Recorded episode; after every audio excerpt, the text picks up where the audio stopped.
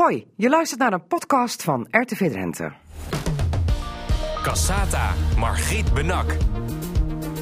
Zaterdag 22 juni 2019. Goedemiddag allemaal.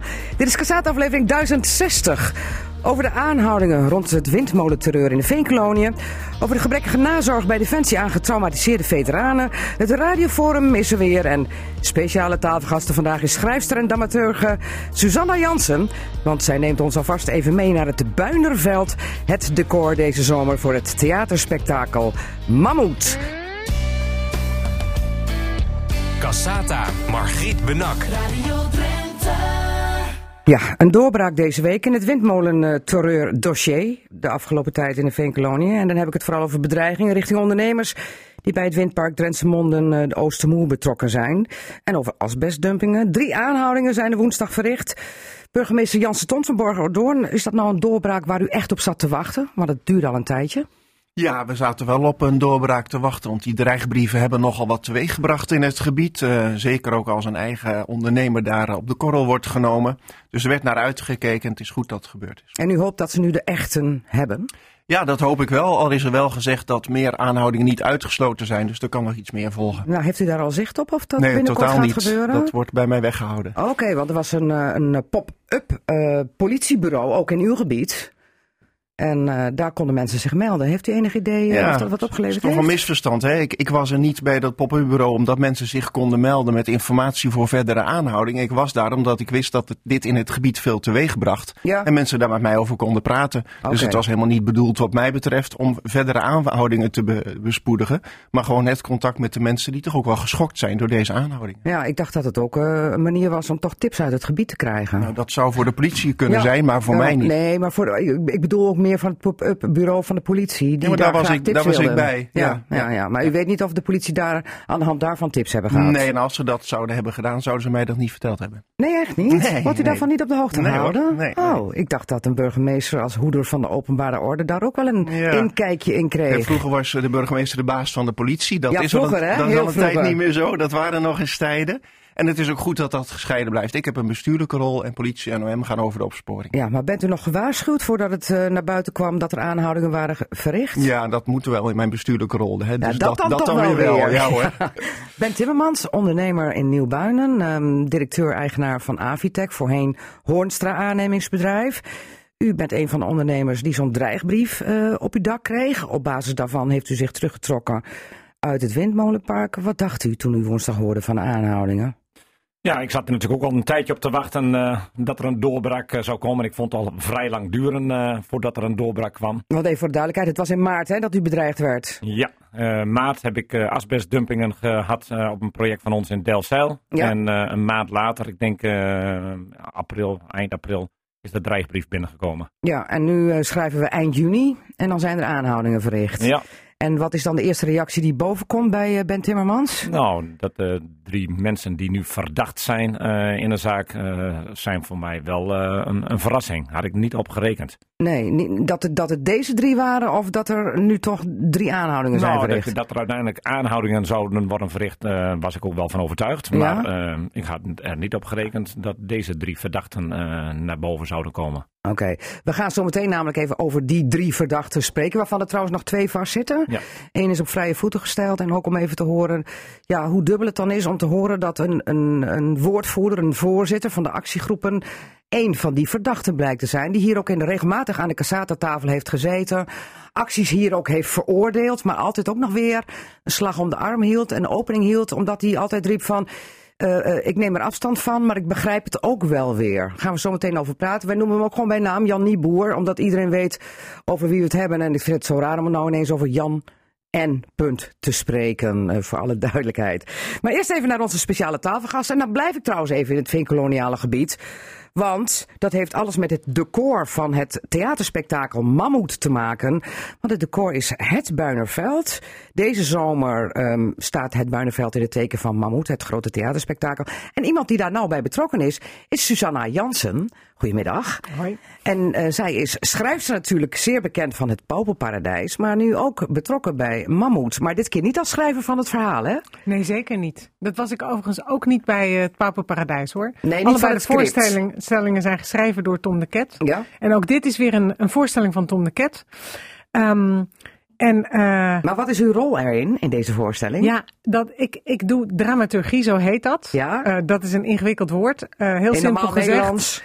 Ik, eh, ik denk mee over het script. Ja, ja. Maar eh, eh, toch even terug naar Pauperparadijs. U stond wel aan de basis van Pauperparadijs. Want Zeker, u en bent natuurlijk schrijfster van het boek Pauperparadijs. Op basis waarvan uiteindelijk het theaterspektakel Pauperparadijs in Veenhuizen gemaakt is. Zeker, en daar was ik ook heel nauw bij betrokken. Ehm, eh, en aangezien dit weer gemaakt is door Stichting Het Pauperparadijs met dezelfde, hetzelfde creatieve en productionele team.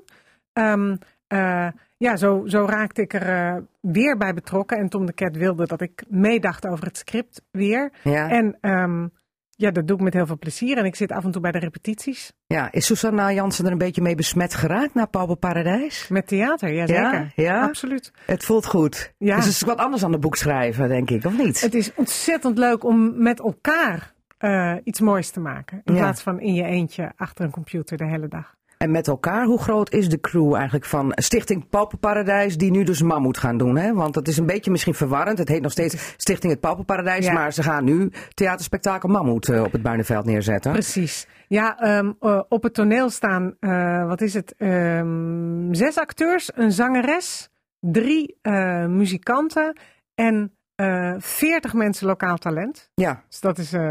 en dan achter de schermen zijn nog veel meer mensen. ja. En als we het dan hebben over lokaal talent, dat zijn mensen echt uit de regio die meedoen eh, in Mammoet, Zeker. hè? Dat zijn mensen, eh, ja, die hebben auditie gedaan. Ja. Eh, die komen uit de, uit de regio.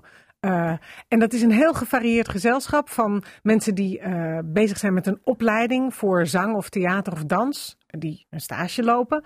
Ehm, dat zijn ook mensen die aan eh, amateurtoneel doen of die nog nooit iets hebben gedaan. Ja. Van allerlei leeftijden. En die eh, vormen samen eh, ja, wat wij noemen het ensemble. En staan elke avond mede op het toneel. Eigenlijk net zoals we bij het Pauperparadijs hebben gedaan. Ja. Eh, en dat is, eh, ja, dat is fantastisch. Ja. Janse Tom, burgemeester, ook een beetje toneelaspiraties of niet? Ja, nou, ze zeggen dus dat politici altijd toneel spelen. Ja, dus er, er ligt wel, er ligt wel een verband. Nee, ik ben hartstikke trots op dat dit in mijn gemeente gaat gebeuren. Buinenveld ligt tegen de glooiing van de Hondsrug bij Buinen. Voor de kenners net boven Lesjevo, de manege daar. het is ook een beetje op de grens van zand en veen, hè? Ja, je kan vanaf daar het veen zien liggen. Eh, het is echt op de glooiing van de Hondsrug. Eh, dat is prachtig. Wordt ook gebruik gemaakt van die natuur. En er wordt ook gebruik ma- gemaakt van het invallen van de avond. Dat vind ik ook een prachtig Ja, idee. ja. Dus komen, ik- komen we zo meteen nog over te Ja, praten. graag. Want het is een variabele begintijd, heb ik begrepen. In verband met de zonsondergang. Maar eh, u bent er trots op dat het een nieuw gebied is. Want u heeft gezien hoe groot Pa- Pauperparadijs in Venhuizen is geworden. Ja, dat. Maar ook wat het doet voor het gebied. Als je nu kijkt naar Buinen, het dorp is eh, enthousiast. In Borger eh, gebeurt er van alles bij de ondernemers. Je kan een mammoetkaas, een mammoetlikeur en er komen nog mammoeten in het straatbeeld te staan. Ja. Het brengt heel wat teweeg. En ook die acteurs, hè, eh, Suzanne zei het net, die komen uit de omgeving. Ik ga ze dinsdag welkom heten na de eerste repetitie. Dat is natuurlijk hartstikke leuk dat zo'n theatervoorstelling bij ons eh, gaat draaien. Bent u al wezen kijken eh, op wat er allemaal opgebouwd wordt daar? Ja, ik eh, ben aan- vanochtend nog even wezen kijken daar. Nou, en? Nou ja, het ziet er prachtig uit. En Ja? dan zie je ook die locatie en dan zie je ook de natuur eromheen. Dan moet je je voorstellen dat het dan s'avonds mensen daar naartoe lopen. Dat is iets dat Tom de Ket ook heel bijzonder vindt. Nou ja, en dat het dan gebruik maakt van onze omgeving. Ja, dat is Ja. hartstikke mooi. Steekt de gemeente er ook nog een beetje geld in? Ja, de gemeente steekt er ook geld in. Ja, En eh, hoeveel? Ja dat gaat richting een ton. Maar ook in Natura. Hè? Dus we hebben bijvoorbeeld de weg aangelegd zodat de eh, verschillende toegangswegen beter zijn. Hè? Auto's apart, fietsers. We hebben allerlei dingen gedaan, maar dat gaat richting eh, dat bedrag. Goed. Eh, we gaan zo meteen uitgebreid verder praten over Mammoet. Ook wat is het verhaal van Mammoet? Wat gaan we zien? Wat gaan we horen? En ehm, eh, alle bijzonderheden over toch het, het Buneveld. Het, het Buinenveld, wat een, schijnt een prachtige eh, ja, eh, gebied te zijn. Wat alles doet herinneren aan de ijstijd waar het uit voortgekomen is. Susanna knikt instemmend. Ehm, want wat ook veel teweeg brengt, behalve Mammoet op dit moment, is natuurlijk ehm, de windmolens in de Veenkoloniën. Eh, want ik zei het al eerder, een belangrijke doorbraak in het eh windmolenterreur in de Veenkoloniën. De aanhouding woensdag van drie verdachten, waarvan er twee nog vastzitten. En die ene naam die valt dan wel heel erg op. Dat is van de 61-jarige Jan Nieboer uit Tweede Exloermond, die een bedrijf heeft in eh Nieuwbuinen. En dat is ook de man die zich al jaren in de media roert als voorzitter van de actiegroep Tegenwind Veenkoloniën. En ook als woordvoerder van platform Storm. Ehm, hij zat hier al eerder in Cassaat, ook met Jan Saton, met de burgemeester. Ook met Harbert ten Haven, windmolenboer. En eh, toen zat hij hier wel eens en eh, dan hadden we het al over brandstichting gehad. Het dumpen van betonnen blokken met eh, stalen pinnen in, in, akker, in akkers van boeren. Zodat machines naar hun grootje gingen als je daar de oogst ging doen. Nou, vervolgens waren er dit jaar asbestdumpingen, eh, dreigbrieven die gestuurd zijn. En daarover zei Jan Nieboer dan, ehm, hij keurde het niet goed, maar hij begreep het wel. Jan Seton, dat wetende, want u zat er zelf bij. eh, en, dan nu wetende dat Jan eh Nieboer achter de, tralies, zeg ik maar even plat zeg, zit. Vanwege toch de verdenking dat hij hier nou bij betrokken is. Wat, wat denkt u dan? Ja, ik zal me eerlijk zeggen, ik had het niet verwacht. Ik ken Jan Nieboer goed, ook vaak met hem gesproken in het verleden. Platform Storm is een belangrijke club voor mensen die zich verzetten tegen de windmolens. Eh, Dat begrijp ik, dat mensen zich daartegen verzetten, want er gebeurt nogal wat zonder dat mensen daar enige invloed op hebben. Dus protest is goed. De manier waarop hij dat deed, daar heb ik wel eens wat over geuit. hè. Dat gas geven en remmen tegelijk, Ja. tegelijk wat jij aangeeft. Ook wel eens vergelijkingen met de Tweede Wereldoorlog in maart, april, waar ik daar moeite mee had. Leg even uit, wat eh, is dan, toen gezegd? Dan, dan werd er dingen over oorlog in de veenkoloniën gezet. Terwijl Ja. wij bezig waren met het herdenken van de Tweede Wereldoorlog. En ik heb toen ook een goed gesprek met hem gehad. Waarin ik zei, ik vind prima dat je eh, weerstand biedt en dat je dat ook stevig neerzet. Maar over de rug van de slachtoffers van de Tweede Wereldoorlog vond ik niet kies. Nou, toen is dat een tijdje ook weer wat beter gegaan. Dus we waren in gesprek. Geen moeite met weerstand, maar dat hij dit zou hebben gedaan. Het is nog een verdenking, hè? Ja, we moeten altijd nog even dus dat zeggen we er maar even houden. bij. Maar dat hij hiermee in verband wordt gebracht, dat had ik niet gedaan. Nou ja, goed, in ieder geval is wel besloten dat eh, Jan Nieboer en ook een andere eh, collega van hem, die vroeger ook eh, woordvoerder was van, geloof ik, Platform Storm Maiden, daar van het windpark wat daar komt, die blijft dan ook nog vastzitten. En een andere eh 50-jarige verdachte, ook uit uw gemeente, is vrijgelaten. Die zou dan eh, de dreigbrieven gedrukt hebben, omdat hij een drukkerij heeft. Ben Timmermans van Avitec, eh, voorheen Hoornstra aannemingsbedrijf. U bent dan een bedrijf wat... eerder dit jaar gestopt is met activiteiten voor het windmolenpark vanwege die bedreiging. Kent u nou Jan Nieboer?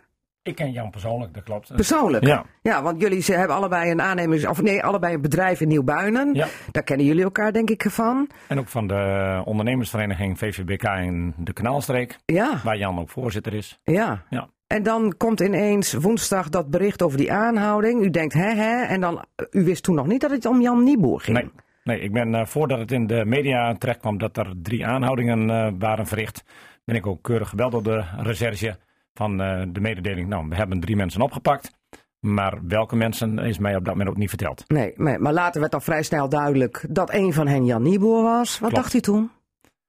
Compleet verrast. Ja? Ja, ja dat had ik. eh, ik ken Jan, zoals ik al zei, persoonlijk. Ik vind Jan ook een, een intelligente man.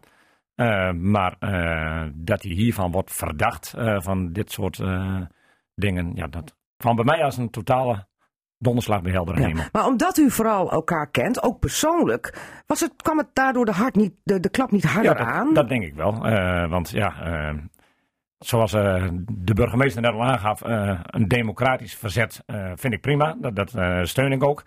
Maar dat heeft hij in mijn optiek ook altijd wel gedaan. Maar dat hij hiervan wordt verdacht, had ik totaal niet verwacht. Want leg nog even uit aan de mensen, wat is uw bedrijf overkomen, waardoor u uiteindelijk uit het windmolenverhaal gestapt bent? Wij waren voor de gemeente Delfzijl een eh, stationsgebied eh, aan het herinrichten. eh, en daar is op een donderdag ergens in maart is daar asbest gedumpt. Nou, het hele bedrijf lag op dat project op dat moment helemaal stil. Vanwege die dumpingen, de trein is afgezet.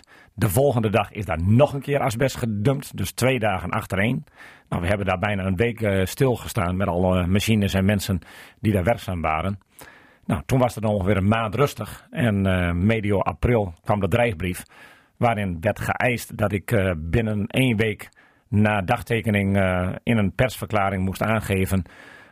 dat ik mij zou terugtrekken uit het windmolenproject als civiel bedrijf. Ja, wij waren eigenlijk alleen maar onderaannemer eh, op dat Leg even uit, dat zou u gaan doen. eh, Wij zouden de toegangswegen en de kraanopstelplaatsen, hè, maar de, die windmolens zijn natuurlijk enorm groot. Dus er moeten locaties gemaakt worden waar die machines opgesteld kunnen zodat worden. ze niet in de, in de grondweg In zakken. de grondwegzakken. Dus eh, ja, dat soort werkzaamheden eh, zouden wij gaan uitvoeren daar. Ja, ja. Maar op basis van die dreigbrief heeft u nog even nagedacht en uiteindelijk... eh, Ja, niet zo lang. Nee, niet zo lang. Nee. Hoe lang heeft dat geduurd? Eh, een halve dag. Een halve dag. Ja. Waarom gaf u zo snel toe? Omdat eh, ik eigenlijk al eh, jarenlang eh, zie in de omgeving wat dit met een ieder doet. En, en hoe beladen dit... En dan, dit- bedoel, en dan bedoelt u de komst van de, van de windmolens? Ja, dat komt van de windmolens ook, maar wat er al gebeurd is. Hè. Je zei net zelf al dat er een schuur in de brand is gestoken. Ja. Dat er betonblokjes ergens in het veld zijn Nou, hele gegooid. blokken hoor. Hele de- blokken met pinnen. En kijk, en zo'n dreigbrief, je weet niet wie het zijn, je weet niet hoeveel het zijn en je weet ook niet tot waartoe eh de groepering in staat is. En aangezien ik kind van de regio ben, eh, woon in het gebied, werk in het gebied en mijn medewerkers ook in het gebied werkzaam zijn en ook wonen, ja, dat, dat, dat risico wil en kan ik niet nemen. U had geen zin om elke dag over uw schouder te kijken. Never, nooit. Nee, nee. Nee. Dus, eh, maar vond u het aan de andere kant ook toch niet een zwaktebod dat u zwichtte voor die dreiging, omdat je dan laat zien dat je ze gelijk geeft? Nou, dit is niet een kwestie van gelijk geven. Het is gewoon een kwestie van eh, afwegen van ja, wat vind ik verantwoord voor mijn gezin en voor mijn Ja. medewerkers. En wat vind ik niet verantwoord. En ik kon dit voor mezelf niet verantwoorden om door te gaan. Nou, eh, nee. En nou u dit vertelt, eh, dan denk ik van, en dan ken je dan Jan Nieboer. U heeft denk ik ook vaak met hem gesproken. En dan blijkt hij hierachter te zitten. Nou, hij wordt ervan verdacht. Ja, hij wordt ervan, ja, hij zou hierachter kunnen zitten. Kunnen zitten. Ja. Hij wordt natuurlijk niet voor niks nog langer vastgehouden. Maar ik kan het moeilijk geloven. Dat, eh, Ja. ja. Ja. Dat is gewoon een kwestie dat het bij mij zo, als zo'n verrassing komt, dat ik het nog amper kan geloven. Ja, want wat betekent het nou voor uw bedrijf dat u daar het werk, eh, voor het werk hebt moeten bedanken? Eh, het werk was voor ons eh 5 miljoen aan omzet. Nou, eh, wij doen als Dat bedrijf. is geen kattenpis op zijn Nee, drens wij, wij, gezegd. wij doen er als omzet, ongeveer 25 miljoen. Dus dan praat je toch over 20% van je jaaromzet wat je in één keer kwijt bent. En als ik je vertel dat er ongeveer eh 50.000 manuren en machineuren in zit voor ons. kranenuren, trekkers met dumpers die we zouden inzetten. En, en grondwerkers en stratenmakers. Ja, dat ineens ben je in één Ja. klap kwijt. Ja. Maar dan stoot eh, eh, eh, zo'n groep die dit doet, u het brood uit de mond. En niet alleen dat van u, dat van alle werknemers. Want hoeveel mensen werken bij uw bedrijf? 150 medewerkers. Ja, ja. Ja. Maar kun je dan eigenlijk niet zeggen dat, het, dat de regio dubbel gepakt wordt? A, je krijgt die windmolens in je mik geduwd, waar niemand eigenlijk om gevraagd heeft. De Rijkscoördinatieregeling. Janssen Ton vindt dat ook eigenlijk een manier van doen die nooit weer moet gebeuren. Dat zeg ik toch goed? Had niet moeten gebeuren. Ja, had niet moeten gebeuren, maar toch is het gebeurd. Dan krijg je dat. Heb je regionale werkgelegenheid. Probeer je daar nog wat van te pakken. Maar dan krijg je zo'n dreigbrief op je Ja. dak. Nou ja, kijk, dat het proces ten aanzien van de windmolens eh, niet goed is gegaan, dat, ik denk dat we daar allemaal wel over eens zijn. En zo sta ik er zelf ook in. En ik heb natuurlijk dat hele proces gevolgd tot aan de Raad van State aan toe. En eh, toen uiteindelijk dan bij de Raad van State is besloten dat de omgevingsvergunning eh, onherroepelijk zou worden. Ja, dan krijg je de vraag van, wil je wel of niet meewerken aan zo'n project? Want En- daar moet je dan nog even goed over nadenken. goed over gezien, nadenken. gezien de tweespalt die het Ja, veroorzaakt. Klopt, daar, daar heb ik ook eh, heel goed over nagedacht. Langer Van, ja, dan een halve dag, denk ik. Ja, langer dan een halve dag. Ja. Eh, en ik heb ook diverse mensen om advies gevraagd van eh, wat zou ik eh, moeten doen. Eh, want als ik zelf mag kiezen, eh, wel windmolens in het gebied of geen windmolens, ja, heb ik ook liever geen windmolens. Zo eerlijk moet ik ook zijn. Maar als ze er dan toch komen, Ja. En dat is dan in een, ons democratisch bestel besloten door de Raad van State, ja, dan eh, kun je je afvragen van, wil we een stukje werkgelegenheid meepakken dan? Ja. Want anders komt er een bedrijf uit Friesland of Overijssel of Utrecht. Ze komen er toch. Ze komen er toch. Ja. En nu kunnen we dan Ja. die werkgelegenheid in het gebied laten. Ja, ja. En daar kunnen we dan met elkaar nog wat van profiteren. Maar ondanks die 5 miljoen omzet en die 50.000 manuren en al dat werk, koos u er toch eh, onder druk van die dreigbrief voor om te stoppen. Nu er dus ehm, kennelijk eh, de daders, weet je nog niet zeker, het loopt misschien wat vrij rond, vastzitten. Is dan bij Ben Timmermans de klik wel zodanig dat u denkt van dreiging mogelijk afgewend, toch er maar instappen? Nee. Nee. Ik, eh, vooralsnog is dat voor mij nog een unanieme nee. Want eh, ja, ik vind het nog te, een te zwaar beladen project dat ik nu, eh, ik heb die keus gemaakt. En vooralsnog eh, blijf ik bij de keus dat ik niet weer instap. Maar ik hoor het woordje vooralsnog. Ja, Alsof er een soort opening nee, nog kan geen- zijn. Nee, nee, dat niet. Maar je weet niet wat de toekomst brengt en wat voor situaties zich nog gaan voordoen. Ja. Maar ik heb, op dit moment heb ik daarover nagedacht en voor mij is het nu een nee. Oké. Ton, ehm, even terug nog naar die verdachten. Maakt het ook niet extra ingewikkeld trouwens dat Jan Nieboer, nou degene is die erachter zou zitten? Want het was altijd wel een beetje de spreekbuis, maar ook eh, de tussenpersoon die die actiegroepen onder controle zou houden. Ja, dat laatste lukte niet, eh, niet altijd. Nee. Eh, maar het maakt het wel ingewikkelder. Ja. Eh, toen naar buiten zou gaan komen wie er werden aangehouden, eh, ging er even door me heen als het maar niet Jan Nieboer is.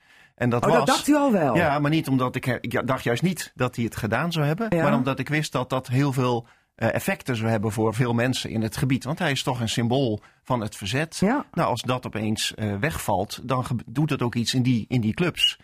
Eh, en dat kan me heel goed voorstellen. En ook in de pers. Nou, en daarom zitten we hier ook. Eh, geeft dit een extra lading. Als dit zomaar een onbekend persoon uit eh Tweedijk van Mond of Nieuwbuinen was geweest, hadden we een hele andere discussie gehad. Ja, want eh, komt het dan eigenlijk ook niet een beetje op neer dat je eigenlijk vanuit ging dat hij als voorzitter en ook als woordvoerder en als leider de troepen toch wel tot bedaren zou brengen? En ja, dat blijkt dus nu niet het geval. Nee, nee, die positie. De leider eh, is weg. Ja, dat- Vooralsnog. Voor nu zeker. Dus uh, kijk hoe zich dat gaat ontwikkelen. Maar voor eerder heb ik hem daar wel eens op aangesproken. Het voorbeeld heb ik eh, genoemd. Ja, Ehm, en, en, en dat werkte niet, niet altijd. Hè, dus vandaar dat ik daar wat eh, genuanceerd op reageer. Maar het was wel een aanspreekpunt. Dus Ja. hoe dan ook, wat je er verder ook van vond. Dat was een duidelijk aanspreekpunt, ook vanuit de gemeente.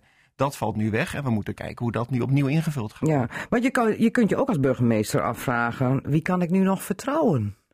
Ja, ik heb wel Als je zo- kijkt naar de, de- ook uw contact met Jan Nieboer. Ja, ik- d- d- dat, is waar. Ehm, eh, nog steeds even erbij, het is nog steeds een verdenking. Ja. Ehm, ik ga wel uit van basisvertrouwen, want anders kan je niet werken als burgemeester. Dus ik, ik spreek met iedereen.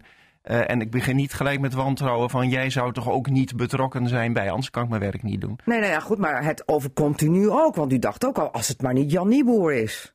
Ja, het overkomt mij ook en dat kan me nog een keer overkomen, Ja. maar dat heeft met mijn werkwijze te maken. Als ik elk gesprek met mensen die betrokken zouden kunnen zijn, argwanend zou beginnen, komt er niks van terecht. Dus het basisvertrouwen blijft. Oké, maar, maar er is ook een bekend gezegd, hè? Turf je never en achterdochter, daar is de Drent uitgebracht. Ja, maar daar komt, daar komt niet altijd het meeste resultaat uit. Hè? Dus nee, dat weet ik wel. ik, ken maar het gezegd. Ik kan en- me voorstellen dat u nou wat meer op uw kivive bent. Van met wie heb ik te doen? Ehm, Ja. Wat zit erachter? Nou, Dubbele zit- agenda? Zo zit ik niet in elkaar. Niet, Nee. meer, dan, niet meer dan eerder. En, en nogmaals, als ik argwanend ergens instap, dan komt de verbinding niet tot stand. Oké, maar u moet wel aan die verbinding. Hoe gaat u dat doen? Ja, daar ben ik al een tijd mee bezig. En, Ja. en wat ik hoop. Nou ja, Is- dat heeft weinig opgeleverd als je Ja. kijkt wat daar nadien gebeurd is. Nou, hè? ik heb nooit de illusie gehad, daar hebben we de vorige keer ook over gesproken, dat het verbinding zoeken eh, leidt tot eh, eh, het voorkomen van dit soort situaties. Nee, wat ik graag wil is dat mensen die tegen windmolens zijn, maar toch wel verder willen kijken van ze gaan er komen. Eigenlijk een beetje de redenatie die eh, Ben Timmermans heel puur net even neerzette. Mhm. Die mensen wil ik mobiliseren. En ik hoop dat deze aanhoudingen een beetje lucht kunnen geven voor dat proces. Want mensen waren best wel bangig om zo'n gesprek aan te gaan, omdat er op je gelet werd. Ja, Nou, nu komt er misschien wat lucht. Ik heb eh, dingen klaarstaan voor de zomer. Beginnen we daar nog mee? Dus dat is vrij snel al. ja. Eh, en dan zal ik er ook iets meer over vertellen hoor. Maar dat heeft te maken met verbinding tussen inwoners van het gebied en de windinitiatiefnemers. Oké, maar eh, dan heeft u ook weer een aanspreekpunt nodig. Heeft u dat al gevonden, dat aanspreekpunt? Eh, eh, nee, maar dat moet ook vanuit eh, Platform Storm zelf komen. Daar gaan zij Ja. ook over wie hun aanspreekpunt wordt. Dus dat wacht ik af. En Maar zij we- zijn nog steeds in de ontkennende fase van eh, dat ze zich niet kunnen voorstellen dat Jan Nieboer er überhaupt wat mee te maken heeft. Ja, maar iemand heeft dat gezegd en dat zou dan hun woordvoerder kunnen worden. hè. Dus, dus dat Ja, maakt voor mij niet uit dat ze in die ontkennende fase zitten. Nee. Gelooft u daar nog in, Ben Timmermans, in de verbinding? Na alles wat er gebeurd is? Dat is een hele goede vraag. En ik kan daar een, ook eh, geen een an- jongen van de streek. Ja, dat klopt. En ik kan daar ook eh, geen goed antwoord op geven. Want er is natuurlijk heel veel gebeurd. Ja. En dat is net als je een thuis een ruzie zou hebben of op het werk. Als er heel veel is gebeurd, is er ook best wel veel energie nodig om het weer tot stand te brengen. Ja. En ik denk dat het in dit dossier net zo is. Eh, het zou kunnen, maar dan moet er heel veel tijd en energie ingestoken worden. Ja, maar het is geen gemakkelijke opgave. Nee, nee, Nee, nee. absoluut Ziet u nog een rol voor uzelf als jongen van de streek en ook als, toch als gedupeerde? Want u was toch mikpunt van bedreigingen. Het is u overkomen. Eh, ook nog bekend met Nieuwbuinen, Jan Nieboer en al die mensen die er tegen zijn. Geen rol voor mij. Nee? Nee. Waarom niet? Ik heb het druk genoeg.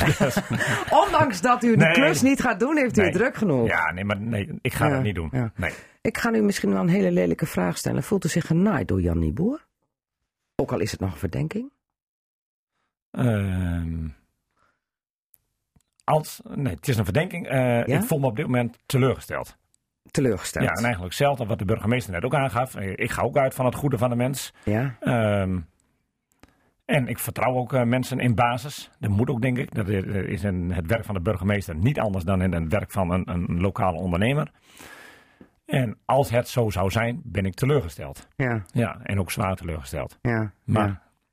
Maar we moeten eerst even afwachten. Hè? ik wacht keurig af. Als het ja, echt nou, zo dat, dat, is. Dat, proces vind ik, dat moet je wel respecteren. En eh, zolang eh, hij nog verdacht is, moeten we hem niet anders benaderen dan een verdachte. Wat voor straf verdient zo iemand?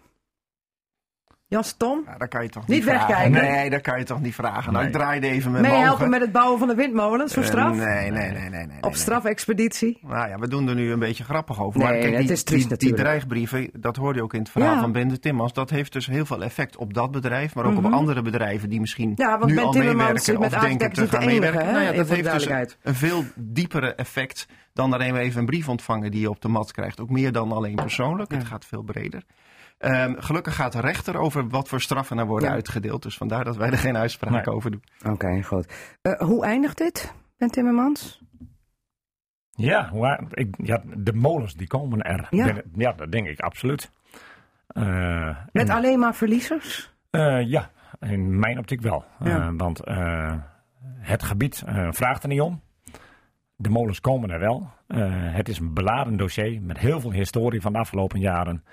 Eh, op dit moment zie ik persoonlijk geen winnaars. Nee, nee, Nee. Want heel veel kapotgemaakte verhoudingen. Ja, dat hoor je natuurlijk ook heel veel in de streek. Eh, en dat vind ik heel erg. Eh, mensen ja, die dan elkaar niet meer spreken, die elkaar vroeger wel opzochten. Ja. Ja, dat vind ik een hoge prijs die wordt betaald. ja, een hoge prijs. Janse Ton, de verbinder.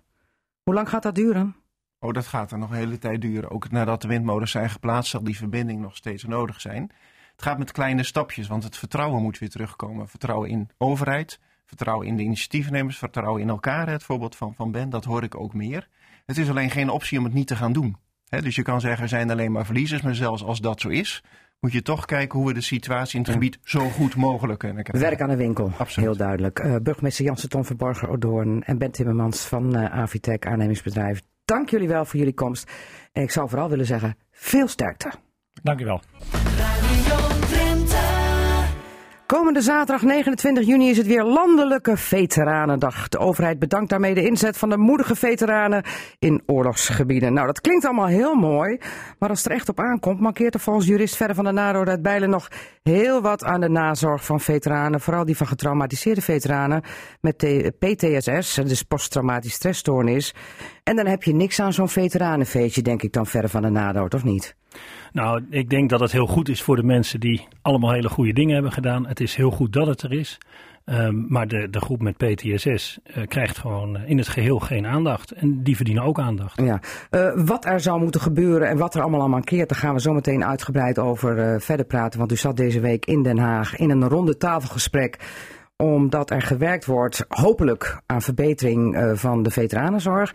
Eerst even naar onze speciale tafelgasten. Susanna Jansen, natuurlijk bekend van Pauperparadijs, schrijfster van het boek, betrokken ook bij het theaterproject in Veenhuizen.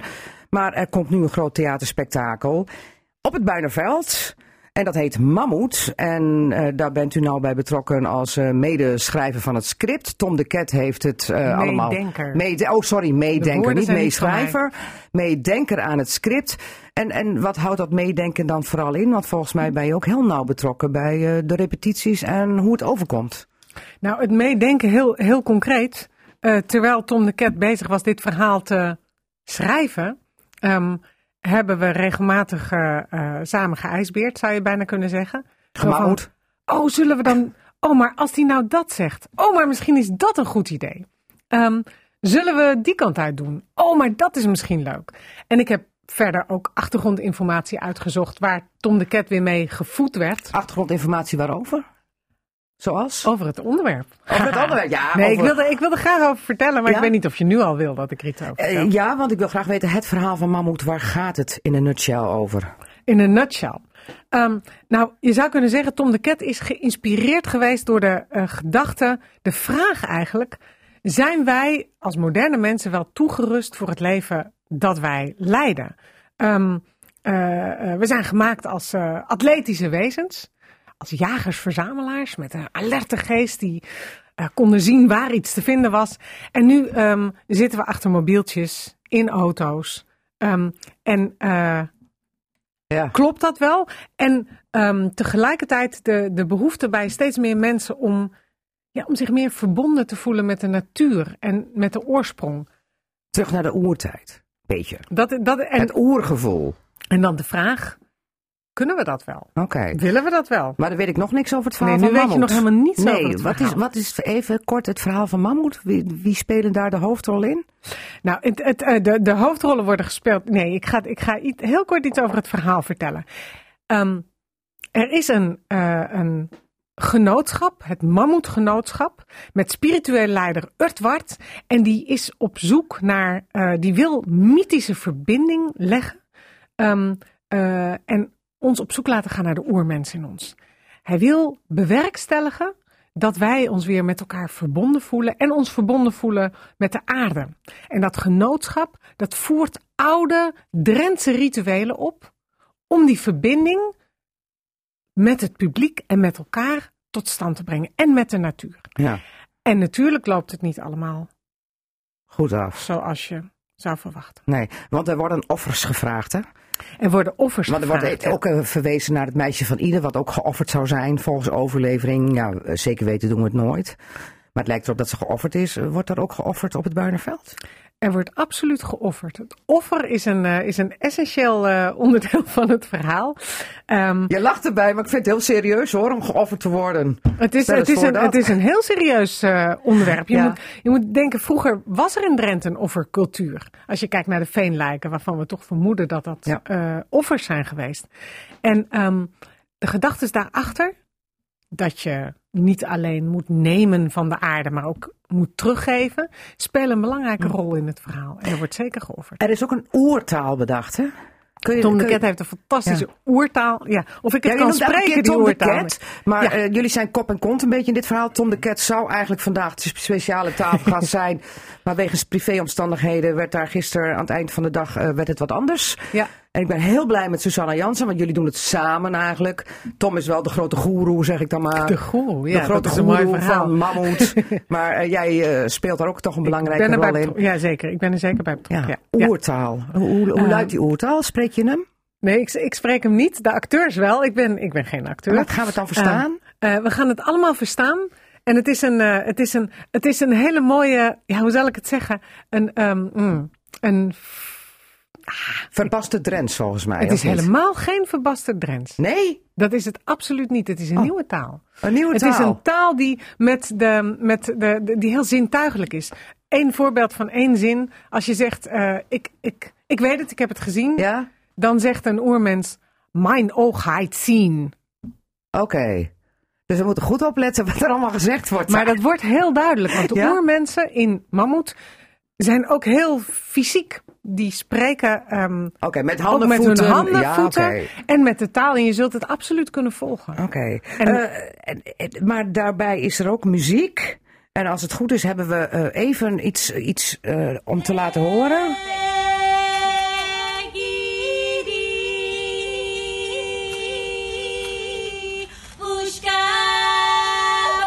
Ja, ik denk dan al heel, heel snel iets aan iets buitenlands. Als ik dit zo hoor van die samenzang.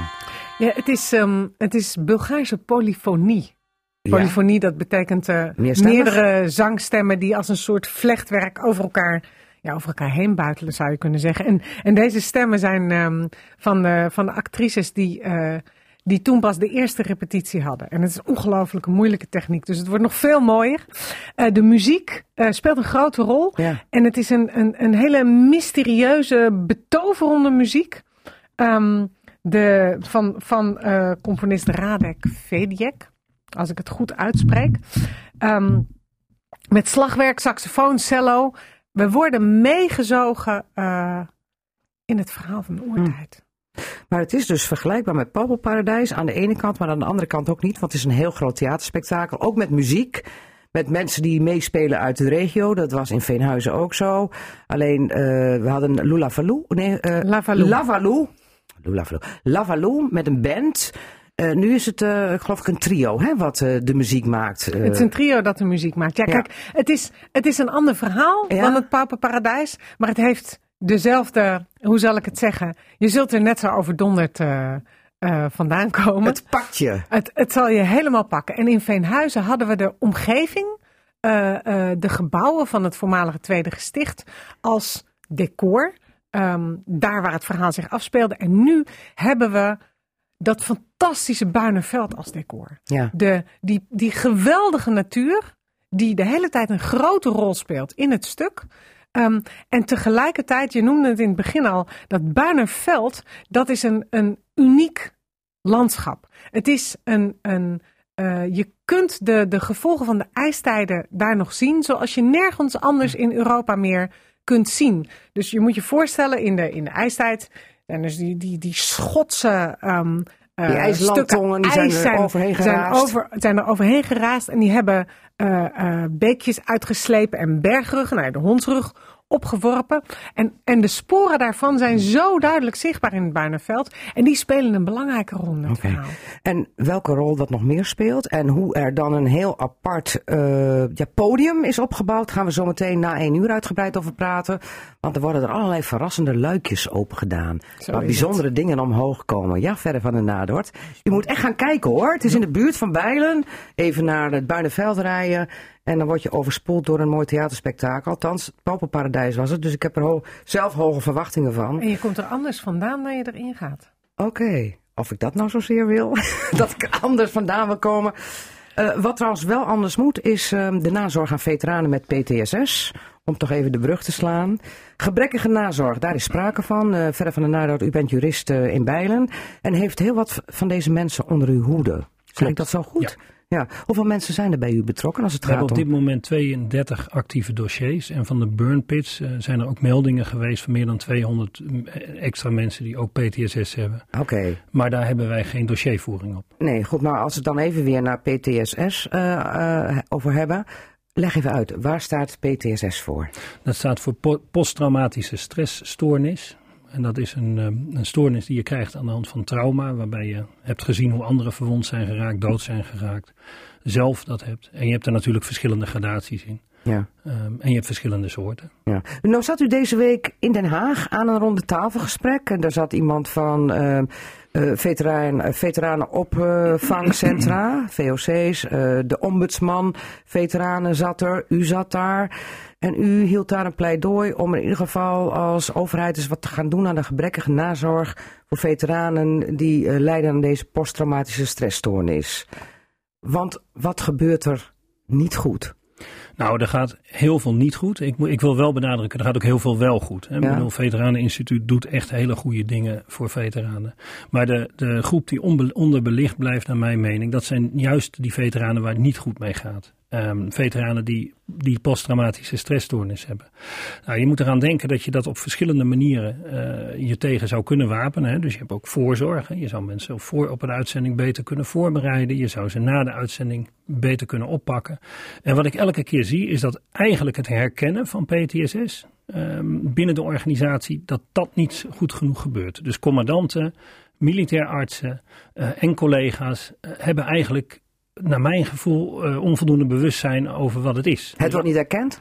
Nou ja, er zijn. ehm, ehm, een, mooi voorbeeld is een veteraan die dan eh, verslaafd is. Die kan dan niet daar. Hè, dat gebeurt heel veel, want dat dempt de emotie. Ehm, en dan moet hij eerst van zijn verslaving af. Dan zeggen ze bij het, de verslavingszorg al: de man heeft een trauma gehad en moet mo- voor mogelijke PTSS onderzocht worden.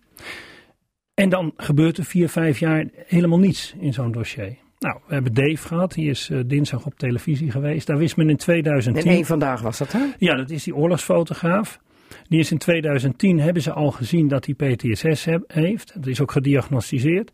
En dan wordt hij tot 2017 eh, ja, bijna eh, maandelijks uitgezonden. hè. Die Ja. oorlogsfotografen zijn bij elk gevecht of bij heel veel gevechten. Ehm, en dat is maar doorgegaan. En uiteindelijk breekt hij dan in 2017. En hij is pas eind 2019 in december echt in behandeling gekomen. Daar had veel eerder ingegrepen moeten worden. Door wie? Ja, ik denk, ik denk door de hele omgeving. Kijk, het is, het is lastig. Mensen met PTSS eh, zijn ook wel hulpmeiders. En niet allemaal, maar heel veel willen ook geen hulp. Of herkennen het zelf niet.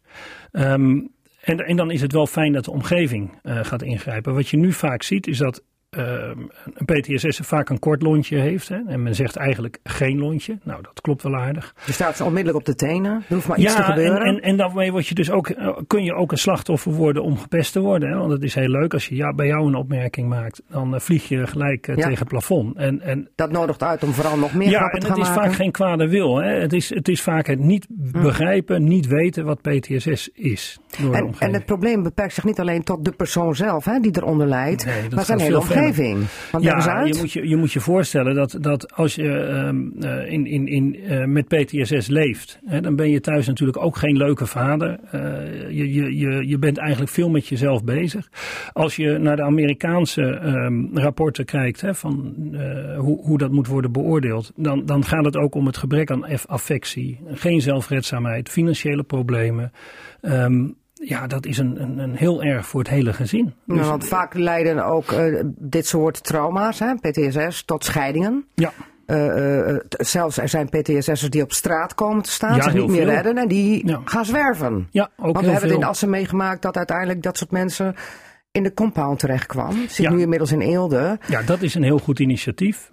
Daar zou, daar, ook daar zou aan gewerkt moeten worden, begreep ik. Ik zit zelf niet in de interactie tussen gemeente en uh, op, op, uh, opvangcentra. Maar daar zitten wel personen die uh, te maken hebben met de verschijnselen waarvan u zegt van daar moet beter voor gezorgd worden. Er moet beter ja. zorg komen, nazorg. Ja, kijk, het is, het is natuurlijk niet, niet zomaar voorbij. Hè. Het, het, het, meest ideale lijkt mij, maar dat weet ik niet, hè, dat je al korte tijd na de gebeurtenis al gaat behandelen. Nou, dat moet ook onderkend worden, ook door de persoon zelf. En door wie moet er dan behandeld worden? Ja, door, door artsen, door psychiaters, door hè, wat nu heel vaak gebeurt is die EMDR. Uh, ja, ik kan dat niet, ik ken de afkorting niet. Ja, het is een emotionele soort. ja, er wordt, wordt met oogbewegingen. Wordt, wordt, Geven ze ook bij GGZ Drenthe. Ja, nou daar wordt dus ge, de, de, de, herbeleving gecreëerd. En dan doe je dat onder gecontroleerde omstandigheden. Um, maar mensen vallen daarna ook weer in een diep gat. En wat, je, wat ik eigenlijk wel heel veel zie, is dat je een versnippering krijgt van behandeling.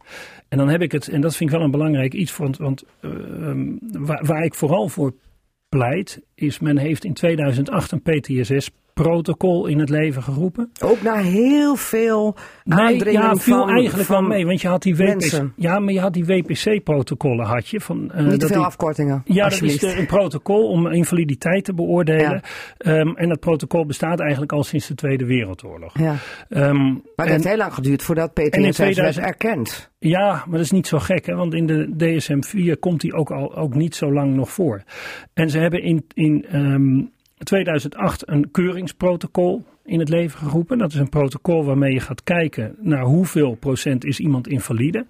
Um, en dat protocol dat is nooit bekeken of die uitkomsten wel goed waren. Mm -hmm. nou, um, dat, en, en dat is ook bekend. En men weet eigenlijk dat uh, dat, dat er op onvoldoende vlakken wordt gekeken.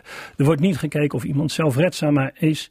Maar men kijkt ook, en dat is een, een, een groot probleem, men kijkt ook naar uh, misschien stoornissen die al in de jeugd er waren. En dan wordt heel vaak die PTSS niet zozeer uh, aan een dienstverband van aangenomen. Maar dan wordt gewoon gezegd, ja, maar in de jeugd had je ook al een probleem. En dat is heel krom. Want ja. iedere militair die binnenkomt, krijgt een uitgebreide psychologische test. Ja, want anders dus, kom je niet doorheen. Ja. En dan denk ik, als je dan zo iemand binnenneemt, ja. gaat op uitzending. En vervolgens na die uitzending behoorlijk -hmm. kapot gaat hè, in zijn hoofd. Dan moet je daarvoor gaan zorgen. Maar nou u dit heeft geconstateerd, u heeft uh, bij de ronde tafelgesprek gezeten. Hmm. Maandag is er algemeen overleg in de Tweede Kamer. Uh, de SP zegt ook van er moet betere veteranenzorg komen. Ja. Waar moet dit nu toe leiden? Ook wat u heeft ingebracht bij dat ronde tafelgesprek. Wat wilt u? Nou, wat ik, wat ik zou willen is dat, um, dat er met name met de groep waar het niet goed mee gaat, de andere groepen, dat gaat ja, wel okay, aardig. Maar waar het niet mee goed mee gaat? Maar, nou, de, de, de procedures zouden verkort moeten zijn. Deze mensen lopen tegen een juridische strijd aan met spelregels die door Defensie zijn bedacht. Dat protocol is daar een voorbeeld ja. van. Dat is niet goed, dat weten we allemaal. Het is in het nadeel van de militair. En met zulke spelregels, als jurist zou je het daar dan mee moeten doen. Maar dat vind ik niet genoeg. Ik zie mijn taakopvatting als wat breder. Ik vind dat de spelregels eerlijk, eerlijk moeten worden. En dat de veteranen, dat die sneller eh, zekerheid hebben over hun positie. Wat gaat Defensie met ze doen? Want soms duren die trajecten wel wel tien jaar. Ik heb Ja. een aantal dossiers die al tien jaar lopen. En dat En- vind ik en- te lang. En bij PTSS moet je eigenlijk heel snel ingrijpen, denk ik. Als nazorg. Ja, en ook, en ook zorgen voor eh, de duidelijkheid over de financiële positie van iemand. Als je daar tien jaar mee gaat wachten voor iemand die in zijn hoofd toch al zekerheid zoekt, ehm, dan, is dat, dan maakt dat iemand kapot. Ja, ik wou net zeggen dat het verslechtert de situatie alleen Natuurlijk, maar eh, heel natuurlijk. erg. Maar nu eh, zijn die ronde tafelgesprekken. Ik neem aan dat die er dan toe leiden, of zullen leiden, dat het beter gaat. Nou ja, wat ik dus niet hoop, en dat is wat Defensie heel vaak doet, is dat ze plannen maken. Die plannen zijn al niet goed, maar dan passen ze ze niet aan. Dan gaan ze evalueren, dan blijkt het niet te kloppen, blijken ze het niet goed te hebben gedaan. Dan maken ze weer nieuwe plannen. En dat kan gewoon tien jaar lang zo doorgaan. En dat mag niet. En dan gebeurt er niks. En dat moet nou eens een keer afgelopen zijn. Oké. Mammoet gaat beginnen op 16 juli tot en met 1 september. Ehm, het speelt zich af op het Buinerveld. Jij had al aangegeven voor 1 uur, het Buinerveld is iets bijzonders. Het, eh, het laat de sporen zien hè, van, ehm, Van de oertijd. van de oertijd. Kun je daar echt nog zien. De Ja. ijstijd, zeg maar. En dan, eh, eh, ja, forumlid Jacob Bruintjes, die had net iets heel speciaals. Wat is het Buinerveld volgens onze wijlen commissaris Relis de Beek? Hij noemde dat gebied het balkon van Drenthe. Het balkon van Omdat Drenthe. je daar nog in de hoogte bent en dan zo uitkijkt naar de, de, de, de laagte van de veenkoloniën. Oké. Prachtige plek. En zitten wij dan straks als publiek, Susanna Jansen, ook op het balkon van Drenthe om te kijken Absoluut. naar het spektakel wat zich voor onze ogen gaat afspelen? Zo kan je het wel noemen. Je, zit, je moet je voorstellen, we bouwen daar een, eh, een amfitheater. Zoals eh, de oude Grieken en Romeinen al hadden. Zo'n, zo'n, het is een half rond, Ja, een half amfitheater. half rond theater. Ja. Want als je hem helemaal rond zou doen, zou iedereen elkaar aankijken. Maar we willen het Buinerveld als decor hebben. We willen de natuur, de oertijd als decor hebben. Dat speelt een heel belangrijke rol in de het scheelt ook, want je hoeft niks te maken, want dat is, het decor ligt er al. Precies. Deels. Toch hebben we iets gemaakt. Want om te beginnen bouwen we die tribune. En eh, de speelvloer ehm, is. eh, eh, dus, dus je kijkt vanuit die tribune over de speelvloer uit naar de natuur. Maar de speelvloer zelf, daar waar het stuk wordt gespeeld, zit vol verrassingen. Ja. Maar die is hoger, hè? Die is hoger dan, die zit twee meter boven de grond. En onder die speelvloer, ja, er zit een halve stad met kleedkamers en gangen en, en, en dat soort dingen. En ehm, het, het, het hele bijzondere effect is dan dat, je, dat er uit die vloer, dat er her en der luiken worden geopend op bepaalde momenten. En dat de verhalen, de acteurs, uit de grond komen. Zoals je eigenlijk, zoals we eigenlijk oerverhalen hebben opgediept uit, ja, zoals archeologen te werk gaan, zou je kunnen zeggen. Eigenlijk wordt de oertijd weer opgespit. De oertijd wordt opgespit, absoluut. Want eh, eh, on- onze hoofdpersoon, spiritueel leider Urtwart, die diept de oerverhalen uit Drentse, eh, ja, de, bekende Drentse mythes, hè, meisje van Ide, ehm, over het naborschap. Ik kan dat niet uitspreken. Noberschap. Noberschap. Susanna? Goed. Noberschap. Ik doe mijn best. Noberschap. Ehm, die diept die verhalen op uit het verleden. Om ze nog eens aan ons te laten zien en een eigen interpretatie eraan te geven. Die heel plausibel is overigens, maar natuurlijk wel zijn eigen manier is. Om daar, omdat we daar nu het ook over kunnen hebben. Urtwart is de centrale persoon in het verhaal, hè? is de centrale persoon in het, in het verhaal. Urtwart heeft samen met zijn vrouw Freya het spirituele mammoetgenootschap opgezet. Oké. Ehm, en dat is een leefgemeenschap waar eh, mensen bij elkaar komen die een, ja, die weer in die ver- verbintenis zoeken met elkaar en met de aarde. Dat is hun Ah, ja. eh, drijfveer. En dat doen ze door voor het publiek oeroude rituelen op te voeren. En daar komt die fantastische oertaal aan te pas. En een geweldige eh, eh, ehm, fysieke taal is het bijna. De woorden, maar ook de bewegingen van de acteurs zijn. Ik heb het gisteren gezien. Ik zat gisteren bij de laatste dag eh, repetities in de studio. Vanaf volgende week repeteren we daar op het veld. Lekker heet in je Eh, berenvel. Ja, het zal ook best soms koud zijn, maar dat hoort er allemaal bij. Dat is het mooie Ja. van locatietheater. Ja, ja, ja. Ehm, en dat, dat zal het publiek straks ook merken. Je voelt de kracht van de natuur. Nou heet het mammoet, hè? En nou weet ik dat in het verhaal ook op ehm, een kudde mammoeten moet worden gejaagd. Er moet een mammoet gelokt worden. En En we hebben ook een mammoet. ja, En nog weer een, een grotere mammoet dan ooit bestaan heeft, heb ik Uiteraard. begrepen. Uiteraard. Het is allemaal het spel van de overdrijving, of niet? Het is absoluut het spel van de over. Het is theater, hè? Ja, Het spel van de verbeelding. groot spel heb ik eh, We begrepen. hebben een eh, fantastische mammoet en ik ga daar verder niks over vertellen. Nou, ik heb even een podcast beluisterd met jou en Tom de Cat. En eh, daar blijkt uit eh, dat alles in het overdrevene weer moet. De mammoet is groter dan groot. Ja. Maar ook een hunebed deksteen is groter dan groot. Want We een, hebben een echt hunnebed. Een echt hunebed. Verplaatsbaar. Oké. Een hunebed op rolletjes. Oh, in, in, in Assen zoeken ze nog een hunebed om te bespelen op het Koopmansplein in verband met de ontwerpen. Maar ehm, ik heb ook begrepen dat er nog nooit eerder zo'n groot hunebed is geweest. Dat denk ik wel, ja. Dat Ja. er nog nooit eerder zo'n grote is Ja. geweest. Maar we zien niet meerdere mammoeten. Maar jullie gaan wel iets fixen waardoor je... Het lijkt alsof. Zeg ik het goed? Ehm, zo zou je het kunnen noemen. In elk geval eh, zul je eh, de ervaring hebben dat er een kudde mammoeten voorbij komt. Omdat, dat, eh, omdat er geluid uit de vloer Ook, komt. ook geluid Waardoor je ze hoort Ja. draven. Zult mammoeten waardoor we zitten maar te schudden op de tribune, denk Maar je ik. zult ze ook zien. Oké, Je zult er in elk geval één zien. Oké. En misschien... En ik, eh, ja, Meer. ga niet vertellen in welke vorm, want dat, eh, Oké. Nee, dat wordt- moet dat- een verrassing blijven. dat wordt veel te mooi. Maar, ehm, nou hadden we Pauperparadijs in Veenhuizen. 130.000 mensen hebben het gezien. Dan hebben we het over twee jaar in Veenhuizen en een En een jaar in. Carré. Ja. Ja. Wat gaat het worden met Mammoet? Gaat dit het overtreffen? Nou, dat, Als dat, een mammoet? Dat zou ik heel graag willen, ja. Ja? Nee, dat, dat valt niet te zeggen van tevoren. Nee. Ehm, het gaat hartstikke goed nu met de kaartverkoop. We gaan 36 voorstellingen spelen. Er zijn nu, heb ik even gecheckt, eh, inmiddels, wat is het, 16.000 kaarten verkocht. Ja. Dat is een groot aantal. Want hoeveel mensen kunnen op die tribune rond dat amfitheater? Dat half Eh, amfitheater? duizend per avond. Duizend. Ja, het is dezelfde, in die zin dus dezelfde er zijn eigenlijk al omvang als bij 16 het voorstellingen uitverkocht. Ja, Oké. En we zijn nog, nog helemaal niet begonnen. Nee. Dat nee. is fantastisch. Nou ja, het was bij, bij Poppenparadijs, ben ik heel eerlijk in, dat ik dacht van nou 40 voorstellingen, 1000 mensen, 40.000. Ik wacht wel even hoor, op de reacties. Nou, ik was mooi te laat. Ja, Het was uitverkocht. Ja. En ik was heel blij dat er een tweede jaar kwam. ja. Ja. En je Zit was dat niet de enige. Ik We stonden er na het eerste seizoen, wat was het, 20.000 mensen op de wachtlijst. het. Ja. Ja. 20.000. ja. Maar eh, hoop je ook erop dat dit toch het geval zal zijn bij Mammoet? Nou, het wordt een fantastische voorstelling. Dus natuurlijk wil ik dat er zoveel mogelijk mensen komen Ja. kijken. Maar ik bedoel in het tweede jaar dan, eventueel? nou, dat zou fantastisch zijn, jazeker. Ja. Natuurlijk hopen we dat. Maar dat, dat, is, dat is helemaal niet te zeggen. Want wat er bij, met het Pauperparadijs is gebeurd, is niet gebruikelijk in theaterland. Nee. Dat geldt echt als een grote uitzondering. Dus dat, daar waren we elke keer weer opnieuw door overvallen. Ja. Eh, Wauw, ehm, zullen we nog een seizoen doen? Wow. En misschien gaan we het ooit nog een keer spelen. Want het is een, een, een voorstelling waar natuurlijk graag mensen heen gaan. Ja. Maar nu eh, zetten we alle kaarten op Mammoet.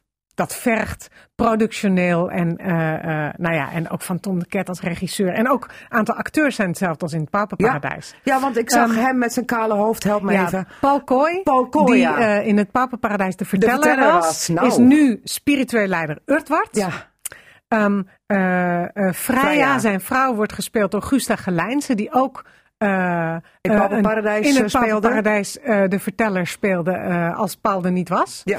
Ehm, en eh Mirte Burger speelt mee. Die heeft een belangrijke rol. Die was in het Papenparadijs Aagje. Oh. En ik weet niet of je dat herinnert. Dat was een, een rol met weinig tekst, maar enorm Ja, veel impact. Rosa, Rosa da Silva heeft Aagje ook gespeeld. Rosa heeft ook Aagje gespeeld. Maar die doet nu niet mee, zag ik in de Die doet casting. nu niet mee. Eh, en, en, eh, en Mirte heeft, heeft ook heel veel aagjes gespeeld. Het eerste seizoen was het allemaal Mirte. En Mirte is, ehm, eh, is de dochter van spiritueel leider Urtwart. Ja, Erika En- heet zij toch, en- of niet? Zij speelt twee rollen. Oh, oké. Want ze, het, het gehele genootschap speelt ook een oerstam na. En, ehm, Met de namen ook, heb ik begrepen, van Drentse plaatsnamen. Precies, Norg, dat is, dat is wat, ik, wat Erika. ik inderdaad wou zeggen. Eh, Meerte, dus de, de, de aagje uit het Papenparadijs, ehm, is ook Erika in de, de mammoetstam en, en maakt een, een, eh, ja, een onmogelijke, vrede, prachtige liefdesgeschiedenis mee met Norg. Ja. Maar We Norg, hebben ook uh, Norg met Norg loopt het niet goed af. eh, Oké, dus eh, alle Drenthe ehm, komt echt Emmen, voorbij. As, Je- volgens mij kun je er nog uren, je, volgens mij kun je er nog uren over praten, of niet, Susanna? Zeker, We moeten zeker. naar een afronding toe, want we hebben ook nog een radioforum. Maar ik zou zeggen, kom kijken. Ja, kom Dan hoef ik er niet uren over te praten. Ehm, hoeveel geld gaat er met zo'n productie gemoeid? De gemeente vraag de verkeerde persoon. Oh, weet ik helemaal niet. heel veel geld, denk ik. Als je is- ziet wat er opgebouwd wordt. Het, het, is een hele kostbare, het is een hele kostbare voorstelling om te maken. Oké. Ja. En wat ik las, als je namelijk een kaartje koopt op internet via mammoetindrenthe.nl, dan is het de begin, het aanvangstijdstip afhankelijk van de zonsondergang. Vertel dat nog Precies. even En kort. het fantastische is de voorstelling, ja, je zou kunnen zeggen, beweegt mee op het ritme van de natuur. We willen dat de zon ondergaat op een bepaald moment in het verhaal. En ehm, ja, dat verandert. Ja, elke dag Dus, weer. dus elke twee weken veranderen we de aanvangstijd om te zorgen, ehm, nou ja, wij schikken ons naar de natuur. Ja, en als, En dat, dan, is een, dat hoort bij het verhaal. als we het dan hebben over juli, hè? 16 juli is de eerste, eh 20 is de première. Ehm, en hoe laat gaat dan de zon onder? Als ze grijpt naar haar haar en denkt van, oh god, wat ik weet het niet. Volgens mij beginnen we te spelen om half negen, maar dat weet ik eigenlijk niet zeker. Volgens mij gaat de zon nu tegenwoordig wel wat later onder. eh. Nee, we beginnen niet bij zonsondergang. Oh, maar, eh, op zonsondergang moment- moet op een bepaald moment in het verhaal eh, plaatsvinden. En aangezien wij de zon niet kunnen regisseren, Ja. hebben wij ons geschikt. Dan maak zoals je echt moet. gebruik van het decor, zeg En maar. dat zullen we volop doen op alle manieren. Oké. Ik ben reuze benieuwd naar Mammoet. Mocht u denken, ik ben geïnteresseerd. Klik dan even op mammoetindrenthe.nl. Daar staat alles op. Een podcast, een filmpje, gezang. Wat je moet doen om een kaartje te kopen. Eh, eh, doe het, want voor je het weet is het uitverkocht. Hoogste tijd voor wat anders. Cassata, het radioforum. Ja, en eh, u hoorde hem al even. Hij stelt zichzelf nog even voor. Want naast Susanna Jansen, dan wordt het gewoon je hoor, Susanna. eh, eh, zit hier ook. Eh, Jacob Bruintjes, eh, voorzitter van de Partij van de Arbeid van gewest Drenthe. En ik woon in het mooie Borgen, vlakbij Buinen. Hè. Ja, ja. En, en Jacob zit natuurlijk ook eh pole position natuurlijk bij Mammoet, of niet? Nou, welke plek ik heb, weet je met kaartjes er al wel. Oh, kaartjes er al wel, heel goed. En daarnaast? Willemien Meeuwissen, fractievoorzitter in de Staten van de VVD. Kom uit Assen en de kaartjes zijn ook al binnen. Oh ja, Zeker. jullie zijn weer De sneller dan hele ik. familie is al lang. ik. Ik heb de kaartjes bijna binnen. Willemien, om met de deur in huis te vallen. Wanneer wordt bekend dat jij eh, wethouder in Assen wordt? Ik ga daar niks over zeggen, Margriet. Helaas, helaas. Jij staat op mijn lijstje, Nou, dat maar is ook mooi. bij de VVD Assen. Dat is mooi. Gesprekken beginnen komende week. Wanneer sta jij geboekt voor een gesprek? Ik ga er niks over zeggen, Margriet. Oké, nou Henk van der Boer, die ook op mijn lijstje stond, ehm, eh, oud eh, gedeputeerde voor de VVD en ook tijdelijk wethouder geweest in Ooststellingwerf. Ja, die wou in Ooststellingwerf eh, niet weer verder waar hij ingevlogen was. Maar die vond drie jaar Assen ook te lang. Dus die is het in ieder geval niet. Dat kan ik bij deze ook melden. En voor de rest eh, blijft het gissen. Maar ik denk, dan heb ik in ieder geval Willemien Meeuwse even genoemd. Want ik dacht van, nou... Maar heb je aspiraties om wethouder te worden trouwens? Of zeg je daar ook Margriet, niks over over? een paar weken gaan we het bespreken. Dan wil ik er van alles over zeggen, maar nu niet. Oké, kan ik jou vast boeken voor september? Want Nee. dit is de laatste Nee. van het zomer. Nee, dat kan niet. Nee. Oké, goed. Genoeg geprobeerd. Het Ja, opgepakt. eh, altijd uitkijken, hè. ik ben genoemd. Dat, Ik ben dat- dat- genoemd. Dat is heel, heel lastig. Ja, ja, ja, ja. ik ben genoemd. Wie zei dat ook alweer? Professor Dr. Dr. Akkermans. Akkermans, ja. Ja, ja, ja. Goed. ehm, het opgepakte windmolenterroristen. Vermeende windmolenterroristen. Want het is nog een verdenking. En als je dan toch kijkt van wie daar onder meer onder die verdachten zit. Jacob Bruins, zoals Jan Nieboer. Wat denk jij dan? Ja, dat, eh, dat eh, had ik eerlijk gezegd niet verwacht. Eh, het, het is wel, en de vraag is of het allemaal waar is, moet uitgezocht worden. Rechtsstaat houdt ook in dat je e- even kijkt van of mensen daadwerkelijk ook schuldig zijn. Maar dat, het, aan de andere kant geeft het misschien wel aan hoe hoog de frustratie in zo'n gebied zit. Als gevolg van een, ik zeg altijd van, het is democratisch besloten dat het niet democratisch ging.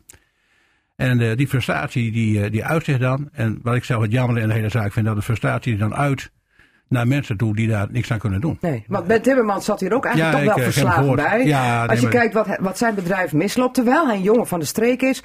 En terwijl hij ook donders goed weet wat die windmolens aan gevoelens teweeg brengen. Nou, Ben Timmers is een jongen van de streek, maar hij heeft ook hart voor de streek en hart voor de mensen in die Nou, streek. maar dat, dat vind ik ook Ja. een jongen van de streek. ja, maar dat is iemand die hart voor de streek nou, heeft. dat even bij zeggen. Ja, ja, ja. Ja. ja, En, eh, en, en juist eh, dat nou juist eh, eh, hem dat eh, trof. En dat degenen die dat gedaan hebben, ook de, die gedachten hebben gehad. Dan denk ik van nou, je, je, je, je, je reageert je af op je eigen buren. ja. Ja. Eh, terwijl je eigen buren eh, niet degene zijn die dit allemaal teweeggebracht hebben. Dat Nee, want als hij moest kiezen, dan kwamen ze er niet hoor. Hij zegt van, maar ja, Nee, als, als- ik ik, heb Ja. er werk aan en Ja. als ik het niet doe, doen de andere bedrijven dat. Ze komen toch. Ja, ja. Dus ik vind heel, maar dat is, dat heel treurig dat dit nu. Dit is alleen maar treurig. Ja, maar om, om toch even op Jan Nieboer terug te komen. Die heeft hier ook heel vaak gezeten. Gezegd van, ik, ik, ik, ik- hij heeft nooit echt nadrukkelijk heel erg afstand genomen van dingen die gebeuren. Hij zegt van, ik keur het niet goed, maar ik begrijp het wel. Altijd met een soort slag om de arm. Ja, maar dat, dat heeft hij vanuit zijn positie gedacht dat hij dat zo moest doen, neem ik aan tenminste. Hè, van, eh, eh, Mhm. Je kunt aan de ene kant veroordelen, maar aan de andere kant, eh, ik begrijp ook de frustratie in het gebied. Mhm. Maar eh, dat hij dan uiteindelijk een van die drie is. Nou ja, dat, ik, ik moet wel zeggen, dat ook wat Ben Timmermans zei, die, die kende Jan uh, Nieboer en ik ken Jan Nieboer ook. Ik ben hem ook wel eens ontmoet, de tijd dat ik wethouder was Ja. zelfs al wel. Ja. En, en dan denk je van nou, als het waar is dat zo iemand zo ver gaat, dan, dan is dat toch wel uh, misschien wel het toppen van de frustratie die Ja. er ook elders wel is. Ja. Willem Meeuws, hoe kijk jij hiernaar, naar het Ja, nieuws ik- en die aanhouding? Ik herken die frustratie zeker, maar ik moet ook wel zeggen, vanochtend hoorde ik ook even het, het stuk over de impact die die bedreigingen hebben gehad op je gezin, op je, je buren en de asbest. En nou, dat, dat- je, je, je, je treft daar echt een hele regio mee. Nou, ik vind dat ook nogal wat. Dus ik ben ook echt wel heel blij dat er nu mensen aangehouden zijn. Ik bedoel, ze Ja. moeten nog, de veroordeling moet nog, maar ja, ik ben wel heel blij dat dat nu gebeurd is. Want ik blijf toch een beetje rondzingen, zolang er geen eh, eh, eh, daders gevonden zijn. Maar wordt het nou er eigenlijk niet erger van nu dan zo'n leider eigenlijk mogelijk de dader is? Waardoor je misschien allerlei ongeleide projectielen krijgt? Omdat, dat zei Janssen Ton ook, ik heb nu geen aanspreekpunt meer. Ja. Nou, kijk, als Er je staat alweer nou, een nieuw aanspreekpunt op. Nou, dat denk ik Ja. niet. Ja. Kijk, on- ongeleide projectielen die laten zich door niemand leiden. Dus eh, daar, daar kun je niet zoveel aan doen.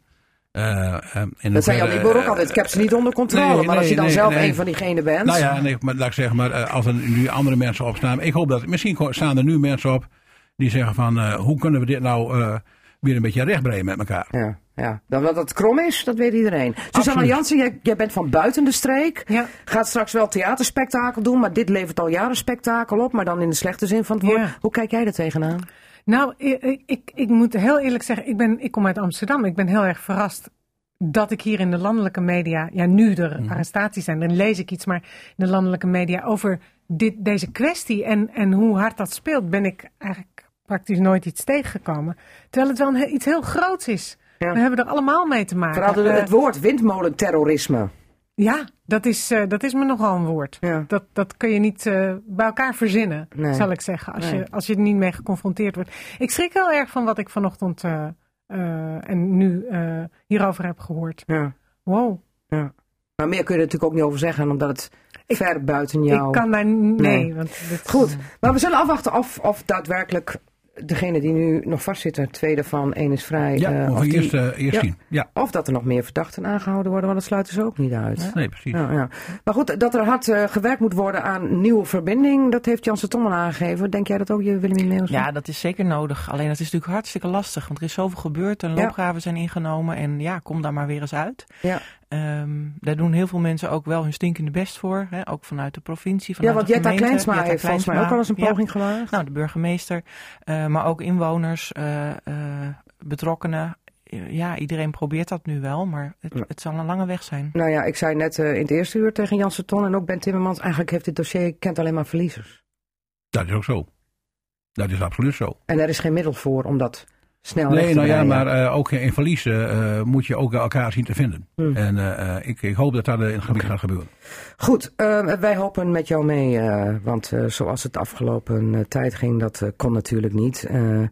En die windmolens, ja, of mensen nou eh willen of niet, ze komen er. En eh, die beslissing is genomen. Goed, heel wat anders nu. Eh waterleidingmaatschappij al vaker in het nieuws. Dente, ja, jij hebt al zoiets willen zeggen. Oh, heerlijk gaat hierover hebben. onderwerp. Ja. Nou ja, goed. We hebben eerst het miljoenendebakel gehad met het avontuur in Indonesië. Kosten ettelijke miljoenen. Ehm, daarvan mocht de burger eigenlijk niks merken qua waterprijs. Nu hebben we dat eh, de WMD, naar aanleiding van het miljoenendebakel in Indonesië, gezegd heeft: jongens, alleen de core business, we gaan ons bezighouden met drinkwater. Daar zijn we voor besteld. Alle andere nevenactiviteiten waar eh, wat niks met drinkwater te maken heeft, daar trekken we ons uit terug. Maar dat betekent wel, nu eh, de WMD zich terugtrekt uit de Wildlands, dat dat wel even een lieve sommetje kost van bijna 12 miljoen euro verlies. En dan durft de directeur van de WMD met droge ogen te beweren dat de waterprijs niet omhoog gaat als gevolg van deze verliezen. Wat denk jij dan, Jacob Bruintjes? Want de waterprijs gaat wel omhoog. Ja, maar dat was een uh, besluit dat genomen is voordat deze verliezen uh, aan de orde waren. Ja, uh, maar die, dus, die verliezen nee, zagen ze ook aankomen. Nee, maar, hè? dat, nee, maar dat moet je even goed, goed in, volgorde, in, in de volgorde zien. Dus, dus ik ga ervan uit dat dat ook niet tot een verdere verhoging zal leiden. En wat wel het geval is, kijk, de WMD is een bedrijf met aandeelhouders. Gemeente en provincie zijn aandeelhouder. En de WMD keert soms ook dividend uit. Gewoon een aandeel in de winst aan de aandeelhouders. Nou, dat is al jaren ja, niet meer gebeurd. Uh, 2015. uh, dus de, de, 2015 voor het ja, laatst? Ja, oh. ja, ja, dus er was Toen er moest nog de reken, meer, rekening van Indonesië nog betaald er worden. was er nog extra over, dat kwam in, uh, nog in de reserves. Dus de, Ja. de, dat, uh, als je een bedrijf hebt wat winst kan maken, dan heb je een bedrijf wat ook verlies kan leiden. Want niet alle bedrijven maken per definitie winst. En dat risico, dat uh, heeft op een bepaald moment, zie je dat overheden daar hier en daar zijn gaan lopen in de, in de loop van de tijden. Uh, de overheden uh, bedrijf zijn gaan spelen. En dan zie je dat dat vaak niet zo goed afloopt. En dat Nee. zie je ook het geval. Dus de, dat de WMD nu zegt, wij trekken ons terug van alles wat niet met is onze wijs, het kernactiviteit te maken heeft. Heel verstandig, ja. En met de kennis van nu, Ja. zeg je altijd, en had En je dat nooit moeten doen. toen. En de vraag is, de kennis van toen, daar was ik uh, niet uh, nou nee, bij maar ik ga daarom even door naar Maar daar Willemien. Alles van. ik. Willemien, want we hebben niet zoveel Ja, tijd meer. maar Want we niet. moeten het ook nog Nou. over de vrouwen hebben. Ja, Met de kennis ja. van toen, zeg jij. Want Nou Tanja ja, Klip in is de tijd. destijds als gedeputeerde Precies. opgestapt vanwege die Wildlands-constructie. Precies, er was toen, eh, eh, moest dat besluit genomen worden. En er staat ook wel wat verwevenheid van belangen, denk ik. Want er zat hè, de wethouder van Emmen, die, die, die wilde heel graag Jan eh, Kupper. eh, dierentuin in Emmen hebben, nieuwe dierentuin. Dus ja, als er een constructie kon komen waarbij de nieuwe dierentuin... eh, nou ja, met eh, dingen kon, kon lenen of leasen of pachten of zo Ja. van, van de, de WMD. Ja, dat was goed voor de nieuwe dierentuin. Dus Ja. ja, dus ja daar zijn besluiten genomen die niet per definitie eh, goed zijn voor de WMD. En daar was toen een meerderheid voor, maar niet iedereen was daarvoor. Maar alle aandeelhouders, oh nee niet alle, een meerderheid van de aandeelhouders heeft toen ja gezegd. En nu, nu trekt de WMD zich terug en Ja, hebben kijk, een rekening het van in 12 feite, miljoen euro. in feite stond het nog, die, die, die, die stond in de boekhouding eh, geboekt, maar, maar niet te technisch maken, maar nee, het is gewoon maar, een maar dan moesten, moesten de dierentuin moest dat dan elke maand eh, of elk jaar moesten ze daarvoor eh, rente betalen of pacht of huur of weet ik het wat. Maar dat kunnen ze en niet dat omdat kunnen ze helemaal niet. Dus ja, je kan zeggen je moet het niet afboeken, maar het feit was gewoon die inkomsten zijn gewoon weg omdat die dierentuin dat niet kan betalen. Dus Is de wijze Ja. les, want ik moet even een heel kort er doorheen, want anders kunnen we niet meer het andere onderwerp doen. Is de wijze les eigenlijk niet van, jongens, eh, schoenmaker, hou je bij je leest. Ja, maar dat hebben we dus een paar jaar geleden ook al eh, besloten dat dat moet. En Ja. dus is Indonesië afgeboekt, dus dit wordt dit afgeboekt. Want ja, zeggen dat het niet uitmaakt voor de prijs vind ik echt onzin. Want ik denk, nou, dan, als je het geld over hebt, had je de prijs omlaag kunnen doen. Kom. Dus ik, ik vind dat echt heel raar. Goed, ehm, ehm, eh, en de aandeelhouders waren niet allemaal even kritisch, heb ik begrepen. Maar dat komt omdat iedereen zat erbij, keek ernaar en stemde in. Dus ja, goed, als ze kritisch zijn, zijn ze kritisch op zichzelf, denk ik dan. Eh, even heel kort nog. Het besluit van de Technische Universiteit Eindhoven vanaf 1 juli alleen vrouwen op vacatures voor wetenschappelijk personeel. Pas als er na zes maanden geen geschikte vrouw is, dan mogen de kerels ook solliciteren. Susanna Jansen, wat vind jij daarvan? Nou, ik denk eigenlijk dat het een goed idee is. Ja, Ja. want? Ehm, nou, als je, als je ziet wat ik heb gelezen, er is daar 12,5% vrouw. Dat is niet van deze tijd. Ik begrijp dat ze al jarenlang willen dat er meer vrouwen komen en dat het op de een of andere manier niet lukt. Ehm, er zijn impliciete vooroordelen waar mensen zich niet van bewust zijn bij sollicitaties. Er is, stel ik mij zo voor, met 12,5% vrouwen een. Ja, is het niet zo aantrekkelijk voor vrouwen om daar te gaan solliciteren? Dus ik denk, laat ze hun. Oké, ik heb nog 40 seconden. Heel kort Nou, nog. het, is, Jacob. het is heel simpel. De, de TU in Eindhoven is eigenlijk een lachertje in de internationale en nationale universiteitswereld. Door het hele lage percentage vrouwen.